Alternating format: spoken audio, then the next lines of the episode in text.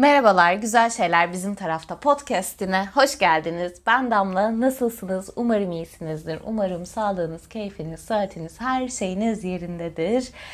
Haziran ayının ilk haftasına geldiğimize göre herkes tarafından en az sevilen, benim tarafımdan en çok sevilen ve benim bir gün mutlaka değerinin anlaşılacağını düşündüğüm beslenme çantasının Mayıs ayı bölümüyle karşınızdayım. Yaz ayı geldiği için ve benim de bir stüdyo ortamım olmadığı için e, Kadıköy gürültüsüyle bölümleri kaydediyorum. Arkadan geçecek araba, çöp arabası, bağıran, küfreden, sokakta oynayan çocuklar için şimdiden özür diliyorum. Mayıs ayı bölümünün e, izlediklerimi yazarken Damlacım ne boş vaktin varmış be dedim ya da ikiye mi bölsem diye düşündüm. Acaba sadece beğendiklerimden mi bahsetsem diye düşündüm. Çokça karıştığım bir bölüm oldu. Lütfen bu bölümü dinleyen herhangi birileri bana mesaj atsın bölümle ilgili fikir duymaya bu konseptle bu nasıl diyeyim e, programla ilgili fikir duymaya çokça ihtiyacım var dedikten sonra bu ay sadece bir kitap okudum ama çok etkileyici bir kitap okudum. O yüzden önce ondan bahsedip sonra Netflix'i, Mubi'yi emcürdüğüm filmlerden, dizilerden bahsetmeye geçeceğim. Talebe isimli kitabı okudum. Tara Westover'ın gerçek hayat hikayesi bir otobiyografi.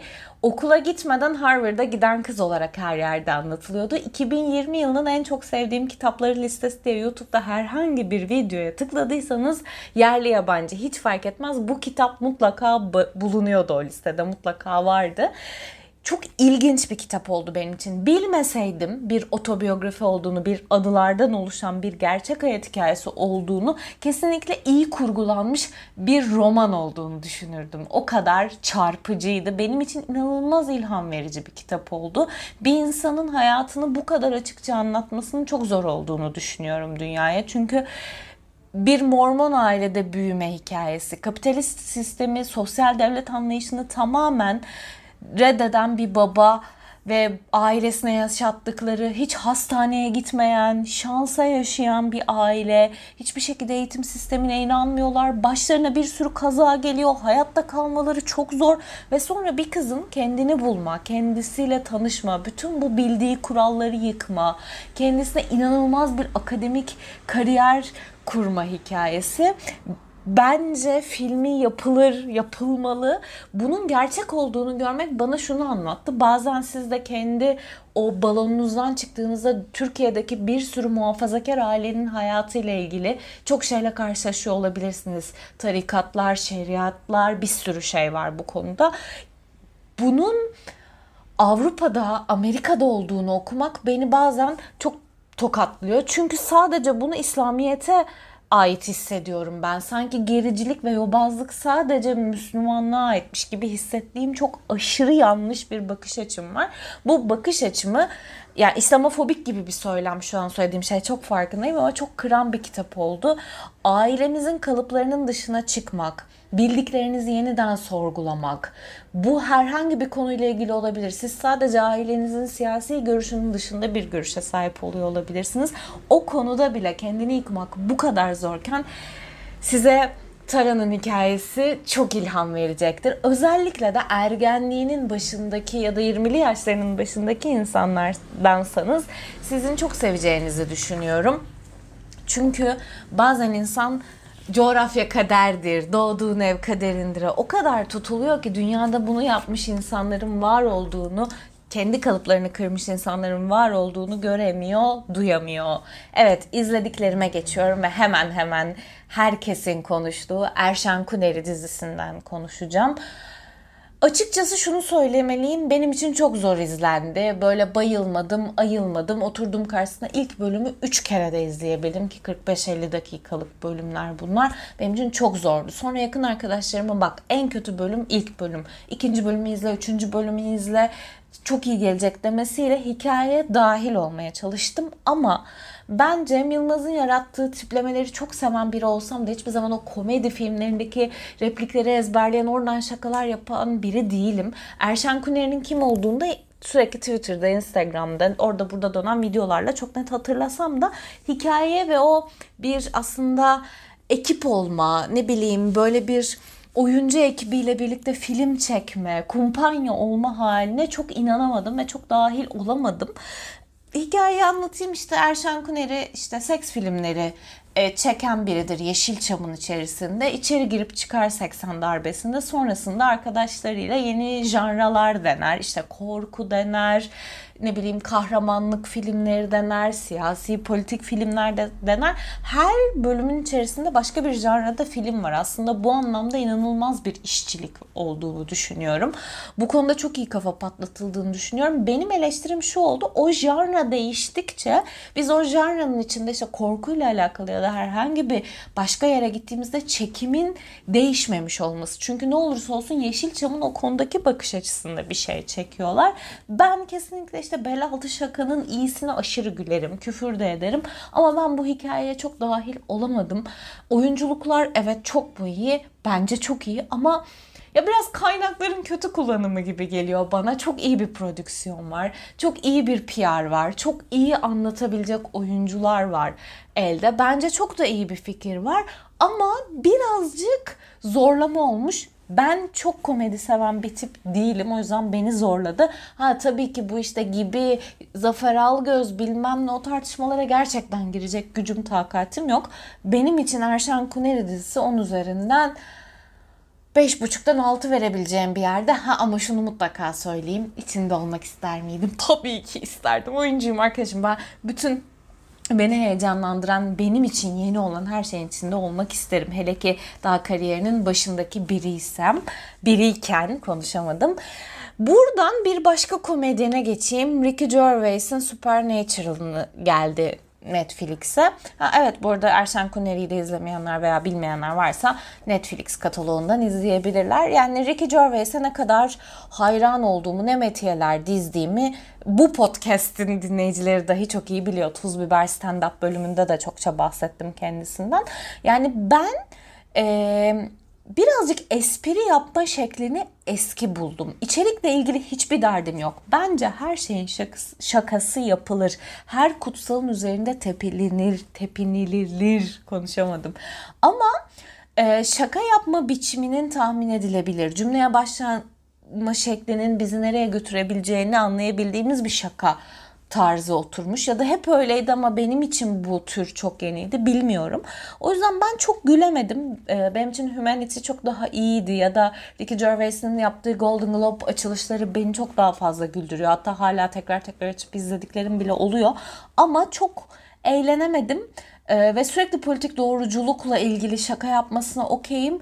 Ee, ama kendini açıklamaya başlıyor sürekli. Bu da beni birazcık sıktı ara ara güldüğüm şeyler oldu mu? Oldu. İlk 5 dakikada ha diye girdim. Sonra giderek aynı tonda ve aynı düzeyde bir Ricky Gervais izlemekten ve şakalara ve olaylara yani trans mevzusuna, turf mevzusuna, Twitter linçlerine sürekli aynı yerden yaklaşıyor olmasından biraz sıkılmışım açıkçası. O yüzden 10 üzerinden 4.5'dan 5 veriyorum Ricky Gervais'e. Birazcık da üzüldüm açıkçası. Yaşlandığını düşünüyorum. Yani fiziksel bir yaşlanma değil ama günümüz komedisinin, günümüz insanların gittiği yeri birazcık algılayamayabiliyor insanlar. Benim için o yüzden böyle iyi bir abimizdi ya konusunda kalmış olsun. Bu ayın beni en çok heyecanlandıran filmlerinden biriydi The Secrets of Dumbledore.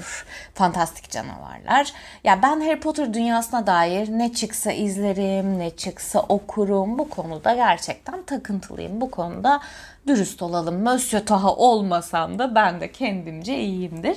Yani fantastik canavarlar benim için beni çok heyecanlandıran bir şey olmamıştı hiçbir zaman. Yani Ed Redmayne'e bayılan hani biri olarak en sevdiğim aktörlerden biridir kendisi.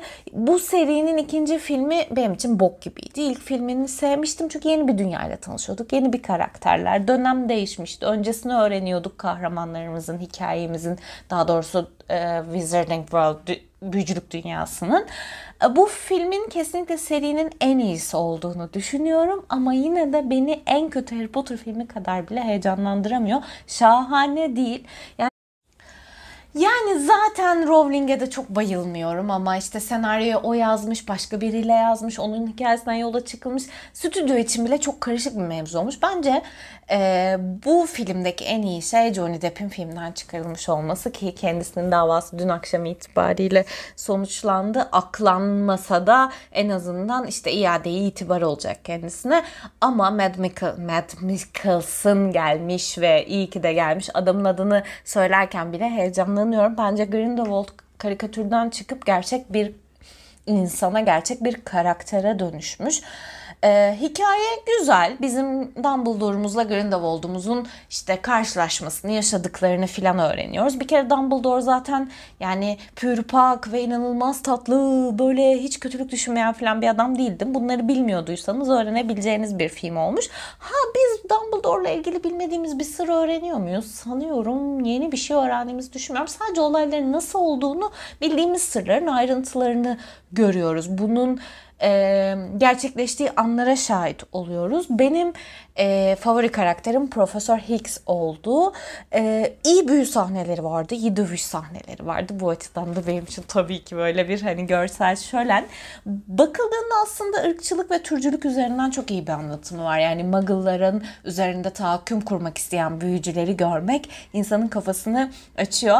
Jude Law'la ilgili şunu söylemem gerekiyor. Çok iyi bir Dumbledore çıkarıyor ve giderek üstüne koyuyor. Yani Ed Redmayne'e başlık açmışken kendisini açmazsam ayıp olur. Ee, her iki Dumbledore oynayan karakterden de parçalar koyuyor içine. Benim için çok keyifliydi ama yani gerçekten birazcık daha böyle büyülü dünyanın büyücü dünyasının hak ettiği şekilde işlense daha çok keyif alacağım için 6.5'tan 7 verelim The Secrets of Dumbledore'a dedikten sonra başka ne izledim, başka ne izledim? Evet, Oscar almak için yapılmış, çekilmiş her şeyle bir filmden bahsedeceğim. Koda filminden bahsedeceğim. İşitme engelli bir ailenin işiten tek üyesi kızları Ruby 17 yaşında. Ya zaten şöyle söyleyeyim ne duruyorsun? Helva yapsana hikayesi. İşte bir azınlığın acıları hisleri bir umut hikayesi bir hayata tutunma hikayesi. Dolayısıyla da hani Oscar almak için yapılmış amacına ulaşmış. Ben Sundance'e nasıl aldığını anlamadım gerçekten. Hayatını tüm aile üzerine kurmuş ve yani 17 yaşında bir kızın ailesinde işiten tek kişiyken kendini düşünebilmesi, ergenlik hezeyanlarına geçebilmesi gerçekten mümkün değil. Çünkü onların iş hayatlarından ev hayatlarına, sosyal hayatlarına her şeyde çevirmen rolünü üstleniyor. Yani ben duygusal bir ponçiyim. Bu filmde de ağladım. Bu filmde de hüzünlendim tabii ki. Ben böyle filmleri severim. Ama bende böyle aşırı tokatlanmış bir his bıraktı mı? Hayır. Mesela işitme duyusu üzerine bir film izlemek isterseniz duyma duyusu üzerine Sound of Metal aşırı iyi bir filmdi. Ee, orada çok etkilenmiştim. Mesela bu hikayeyi alıp aynı şekliyle Disney'de çekebilir. Bunu küçümsediğim için söylemiyorum. Benim en sevdiğim türlerden biridir animasyon filmleri. Özellikle de Pixar filmlerine bayılırım. Ama bu kadar hmm, hayatın içinden tutkusunu bulmak, kendini bulmak, direnmek, aileye karşı gelmek, ne bileyim hayatın içerisindeki bu kadar dışlanmış bir grubun derdini anlatırken bir yandan balıkçılık üzerine bürokrasiden bile bahsederken hiçbir şeye dokunmamak, her şeyde çok güvenli alanda kalmak gerçekten benim için yani okey Dusty dedirten bir şey. Ama şu konuda takdir ediyorum. Türkiye'de böyle bir film çekilse bizim böyle gözyaşlarımız üzerinden kuruş kuruş kuruş kuruş kuruş kuruş para kazanılır. Buradaki hayal bu değil. Zaten hani film orijinal de bir hikaye değil. Hayatımın şarkısı filmi vardı. 2014 yapımı diye hatırlıyorum. O filmin yeniden uyarlaması. O film e, işiten yani duyabilen aktörler olduğu için oyuncu olarak çok eleştirilmişti. Bu filmde gerçekten duyma engelli e, sağırlar oynuyorlar. Bu açıdan doğru bir tercih olduğu söylenebilir. Bu da çok büyük bir tartışma konusu. Yani transları da işte cis e, kişiler mi oynamalı? Trans rollerini bari tırnak içinde onlar mı oynamalı? Burası da gerçekten bir politik tartışma. Bence kim iyi oynuyorsa o oynasın. Yani tabii ki bu bir cinsiyet kimliği olduğu için o cinsiyet kimliğinde birinin oynaması doğru olabilir ama o da maalesef oyuncu olup trans olan insan sayısı ya da yapabilecek insan sayısı çok az olduğu için insanları bunu makyajla ya da dışarıdan sağlamaya götürüyor. Bu konuda da sektörü anlamak gerektiğini birazcık düşünüyorum açıkçası. Yani bu kadar fazla ödüle koşmasının ve bu kadar konuşulmasının en önemli nedenini söyleyeyim. Bu filmi Apple yapıyor e, dijital platformu için 25 milyon dolar harcamış arkadaşlar PR'a. Yani benim PR'ıma 25 milyon dolar harcasanız Elon Musk olurum herhalde diye düşünüyorum yani. O yüzden kötü mü asla değil. İzledim, hüzünlendim, gözümden yaşlar geldi. Ama bende bir his bırakmadı. Yani Wonder filminden ve Palmer filminden sık sık bahsediyorum. Mesela öyle bir ım, izi kalıp tekrar izleyecek bir film olarak görmüyorum. 7-8 veririm kendisine yani Koda'ya. Valla bunu online bir yerlerden bulabilirsiniz. Vizyon falan filan bilmiyorum. Gerçekten bir gün beni bu podcast sebebiyle içeri alacaklar gibi geliyor. Yani bu kadar 25 milyon dolar bırakın PR'ına e, yapımına bile harcanmamış ama sadeliğin görkeminden bahsedeceğimiz bir filmden konuşacağız. Sen Ben Lenin'den konuşacağız. Tufan Taştan'ın senaristliğini ve e, Barış Bıçakçı ile birlikte yaptığı, yönetmenliğini kendisini yaptığı bir film. Netflix'te izleyebilirsiniz. Festivalde çok konuşulmuştu. Dalgaların ufak bir sahil kasabasına sürüklediği Lenin heykeli çalınıyor. İki komiser 12 saat içerisinde bulmak zorundalar. Tek mekan filmi. Tek mekan filmleri beni çok etkiler. Çok severim böyle işin içine challenge girsin. E, Barış Falay ve Saygın Soysal oynuyor başrollerini. Barış Falay'ın daha önce bir röportajında niye beni hiç sanat filmlerinde oynatmıyorlar ya ben küçültebiliyorum oyunculuğumu dediğine denk gelmiştim. Valla küçültmüş çok da tatlı bir oyunculuk ama Saygın Bey'e bir kez daha hayran oldum. Ee, Nur Sürer'e de zaten hastayız, hastasıyız. Burada da ayrı ayrı kalpler gönderiyorum. Ya inanılmaz bir oyuncu kadrosu var. Hasibe Eren var, Sarp Akkaya var. Ya içeri girip çıkan herkes bir star. Böyle yapılması neye yarıyor? Kimsenin rol seçmeden iyi senaryo gördüğünde, iyi hikaye gördüğünde çok keyifli oynayacağını anlatıyor. Valla bu filme öbürüne hani Koda'ya o kadar laf edip 7 vermiş olayım. Hadi buna 8 vereyim gerçekten. 9 8 buçuk 9'a bile gidebilir benim için. Ben yerli filmlere çok daha pozitif ayrımcıyım kadınlara olmamız gerektiği gibi. Yani filmin alttan alta turizm üzerine, bürokrasi üzerine o kadar küçük küçük göndermeleri var ki kör göze parmak olmadan çok iyi bir anlatım. Ee, Barış Bıçakçı zaten Barış Bıçakçı ona ne desem az kalır. E, ama Tufan Bey'in ismini de çok sık sık duyacağımıza eminim bu tarihten sonra.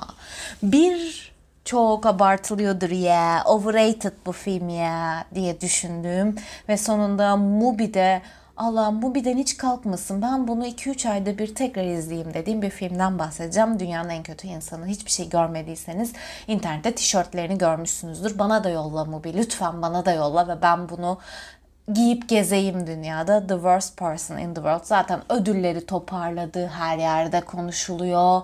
Herkes bu filmden bahsediyor. Koşan kadın fotoğrafı bu yılın gerçekten e, viral görseli falan gibi bir şey oldu yani. Zaten Joaquin Trier Oslo 31 Ağustos filmiyle mutlaka karşınıza çıkmıştır. Bu bir üçlemenin son filmi.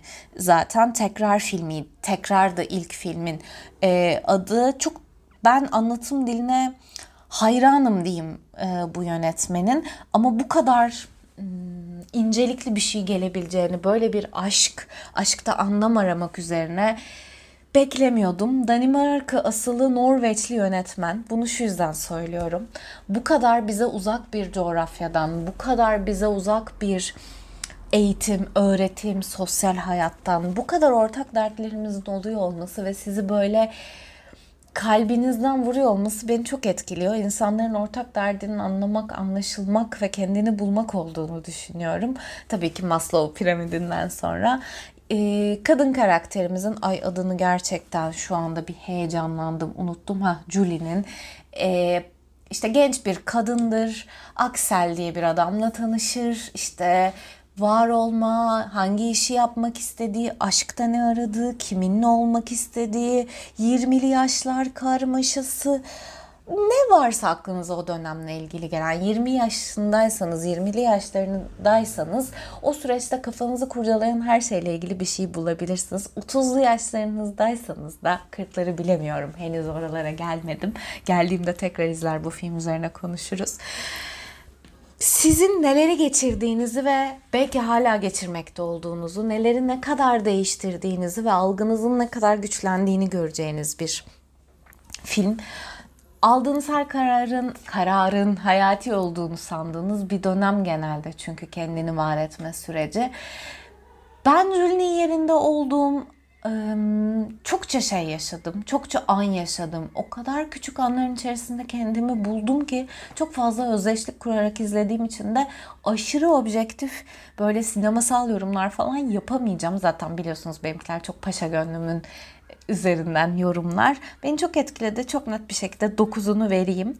Özellikle bu bölümü dinleyen kadınlar varsa hayatınızda bir dönem sizden yaşça büyük bir hayatınıza girdiyse ve uzun süre kaldıysa ya da hayatınızda büyük bir etkisi olduysa size iyi gelecektir ama daddy issues'dan bahsetmiyoruz. O konuda emin olabilirsiniz. Yani hiç daddy issues'ları övebilecek yerlerim ağrıyor benim artık.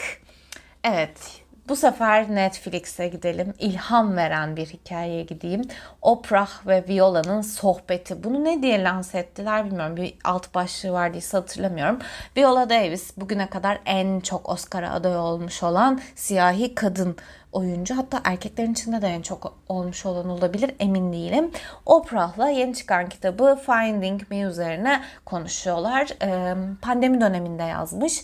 Çok zor bir hayat olmuş Viola Davis'in. Ben kendisine hastayım oyunculuğuna. Ben biraz geç değerini bulanlardan bilenlerdenim ama Doubt filmindeki oyunculuğuna hayranım, The Help'te hayranım. Yani siyahi hikayelerin içerisinde kendisini çok görebiliyoruz. Çünkü işte maalesef bizde şişman kadınları, çirkin kadınları, ne bileyim işte Lazları Laz rolüne sıkıştırdıkları gibi orada da insanları o rollere sıkıştırıyorlar ve tabii ki Oscar için, tabii ki ödül almak için e, Amerika'nın kendiyle yüzleşmesi için çokça böyle film çekiliyor. Ama bu etnik kimliği Afro-Amerikalı olması sebebiyle değil iyi oyuncu olduğu için bir sürü yerde oynuyor.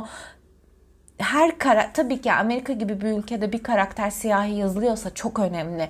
Ama Mesela işte hemen sonra bahsedeceğim diziden de bahsedeyim. Aslında böyle anlatmak istemiyordu bu, bu ikisini ama böyle anlatayım. How to Get Away with the Murder diye bir dizi izliyorum Netflix'te. Bayıldım. İlk sezonunu iki günde izledim. İkinci sezonuna geçeceğim hemen bu akşam. Hatta podcast bittikten sonra. O kadın beyaz olsaydı da ya da e, siyahi olmasının hiçbir önemi olmasaydı da kesinlikle Viola Davis oynayabilirdi. Öyle bir oyuncu benim için ilham verici. Çünkü hayatta özellikle de oyunculukla ilgili konuştuğu kısımlar için söyleyeceğim. Tokat yemek çok genel bir şey. Yani oyunculuk dışarıdan bakıldığında çok mükemmel bir iş gibi görünüyor. İçerisinde yaparken çok mükemmel bir iş ama araları, süreçleri, psikolojik tarafları çok zor bir iş. Buna dair çok şey anlatıyor. Ve bu kadar büyük bir starla ortak noktalarımın olduğunu görmek bana go girl dedi etti. Eminim bir sürü insana da söyletecektir.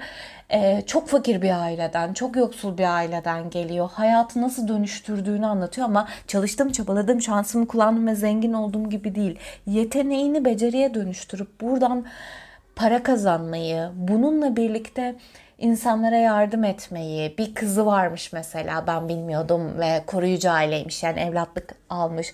Ona kurduğu hayatı görmek çok iyi geldi. Bir de çok yakın arkadaşlarmış. E, Ofrah severim zaten ve ikisinin diyaloğu bana bir saatlik böyle ben röportaj izlemeyi dinlemeyi çok seviyorum. Ama bir yan masa sohbetine şahit oluyormuşum samimiyeti verdiği için ayrıca ayrıca ayrıca mutluyum. Netflix'ten devam edeyim diye düşünüyorum. Evet Netflix'ten Schumacher belgeseli yani bir spor belgeseli aşırı heyecanla izledim ben. Schumacher bu sporun efsanesi. O olmasaydı bu marka değeri Formula 1'de olur muydu gerçekten emin değilim. Şu an bitkisel hayatta olduğu için biraz e, böyle melek çizilmiş ama ya öyle değil. Kendisinin 2006 yılında rakipleri geçemesin diye arabayı stop ettirip ceza aldığı yarıştan da bahsedebilirlerdi. Ama o bar, e, başarı hikayesini iyi ele almışlar. Sadece sıradan bir anlatımı var. O geliyor konuşuyor anlatıyor. Bu geliyor anlatıyor. Araya o sürece dair bir iki görüntü giriyor falan filan.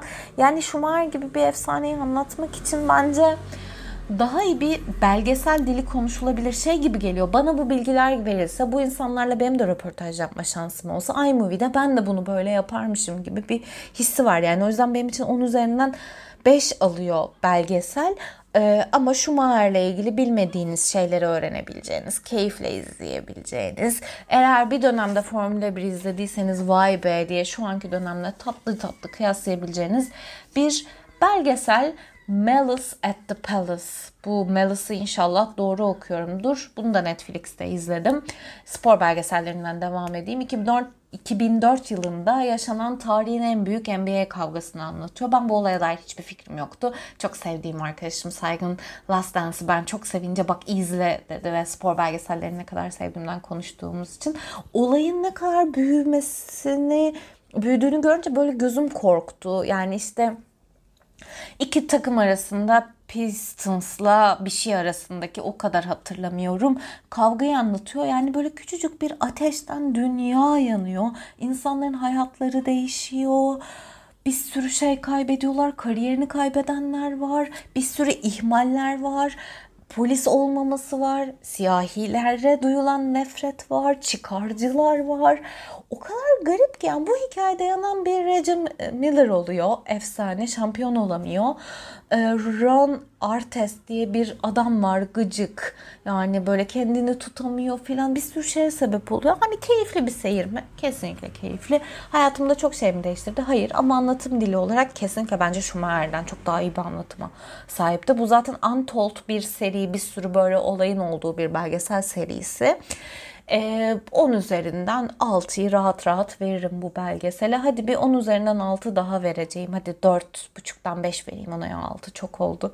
Bir anda düştü. Bir belgesel daha söyleyip sonra daha heyecanlandığım şeyleri anlatayım. İşin Rengi Abercrombie Fitch diye bir belgesel var.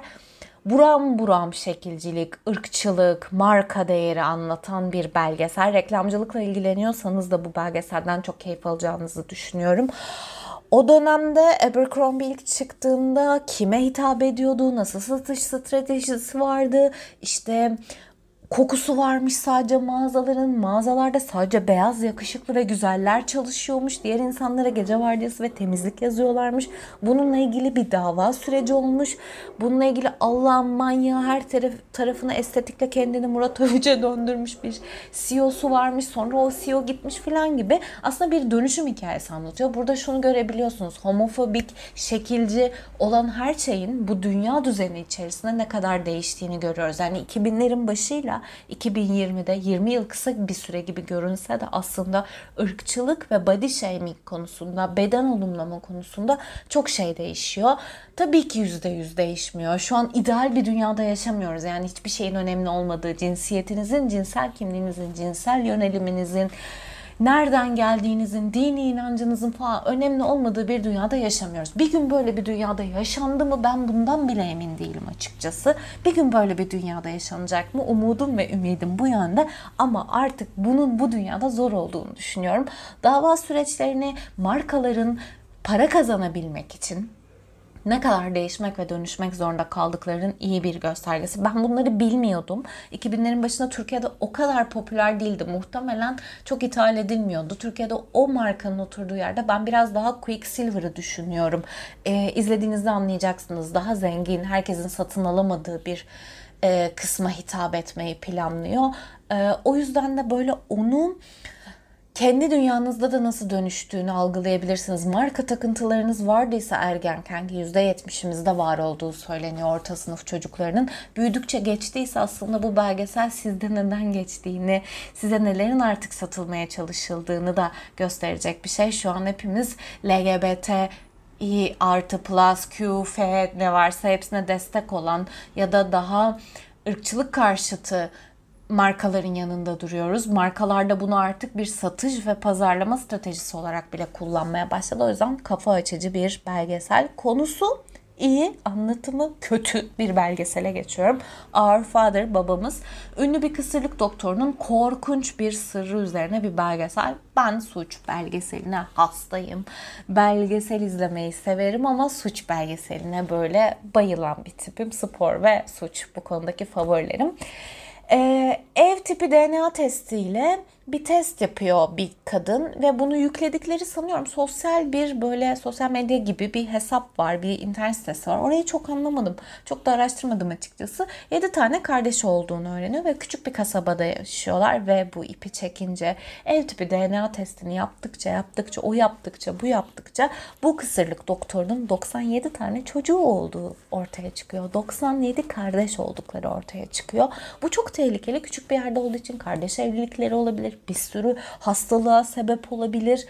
E, korkunç bu hikayeyi bu kadar kötü anlatabilirsiniz. Gerebilecek bir noktada beni hiç germedi. E üf tamam kaç taneymiş falan gibi bir yere götürdü. Korkunç olan şey şu çeşitli donörlerden alınan e, spermlerle kadınlar hamile kalmak istemiyorlar. %95'iydi yanlış hatırlamıyorsam. Kocaları tarafından kaliteli spermler olduğu halde adam tarafından kendi spermleriyle hamile bırakılıyorlar. Bunun tecavüz olup olmadığı üzerine de cinsel bir şiddet olup olmadığı üzerine de bir dava açılıyor ve bunun üzerine de konuşuluyor.